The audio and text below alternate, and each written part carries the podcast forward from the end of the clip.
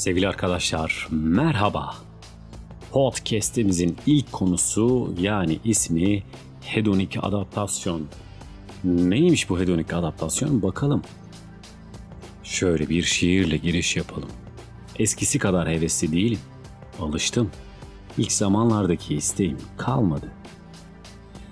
Sahip olmayı istediğiniz şeyler, gitmeyi çok arzu ettiğiniz bir yer, bulunmak için can attığınız bir ortam, tanışmak için çaba harcadığınız biri. İsteklerinizi elde ettikten sonra yukarıdakilere benzer cümleleri aklınızdan geçirdiyseniz ya da söylediyseniz hedonik adaptasyon yaşamışsınız demektir.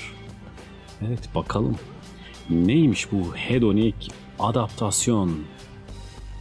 Şimdi insanın hayatında olması için çok büyük arzu duyduğu ve amacına ulaştığı zaman da duyduğu mutluluğun giderek azalması ve eski duygu durumuna geri dönmesi haline hedonik adaptasyon deniyormuş. Güzel. Hedonik adaptasyon günümüzde her ne kadar bizi mutlu eden durumlar için kullanılıyor olsa da Brickman'ın 1970'lerde çıkardığı bu kavrama göre aslında insanın olumlu ya da olumsuz her türlü duruma bir süre sonra alışması durumuna tümüyle hedonik adaptasyon deniyormuş. Hastalık, ölüm, doğal afet, boşanma, şehir ya da ülke değişikliği gibi hayatı etkileyen mevcut durumlara da insanın alışıyor olması hedonik adaptasyonun içine giriyormuş. Evet, Hedonik adaptasyonun yan etkileri yan etkileri olarak beklentinin karşılanmaması, mutsuzluk, hayal kırıklığı, pişmanlık gibi duygular ortaya çıksa da sonunda her şey insanlığın adaptasyon sürecine ve bu süreçte yaşadıklarına odaklanıyormuş. Evet. İnsanoğlu olarak her şeye alışıyoruz değil mi? Bir süre sonra alışmadığımız hiçbir şey yok. Sanırım zaman bunun için var.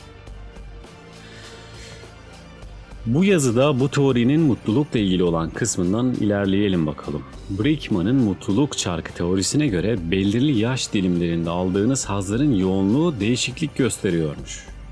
Bir örnekle açıklayalım. Çocukluğunuzda çok istediğiniz ama kolayca sahip olmadığınız bir oyuncağı düşünün. Düşündük mü? Evet. Bir de yetişkin halinizi kendi ekonomik özgürlüğünüzü, alım gücünüzü ve bu güce bağlı çok istediğiniz bir ev ya da arabayı düşünün. Şu sıralar pek düşünemesek de alım gücünü düşünelim.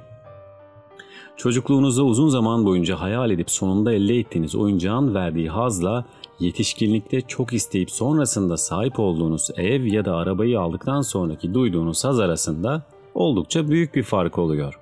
E yani çocuklukta duyduğunuz haz daha yoğun, daha değerli olurken yetişkinlikteki haz daha geçici hale geliyor.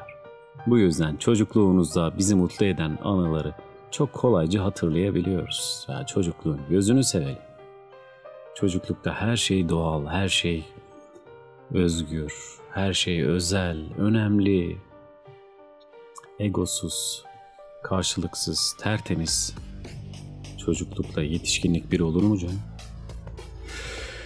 Evet, kapanışa gelecek olursak aldığımız her bir nefese odaklanıp günümüzü iyi geçirmek tamamen bizlerin elinde. Şimdi derin bir nefes alın ve duyduğunuz hazzı hissedin, şükredin.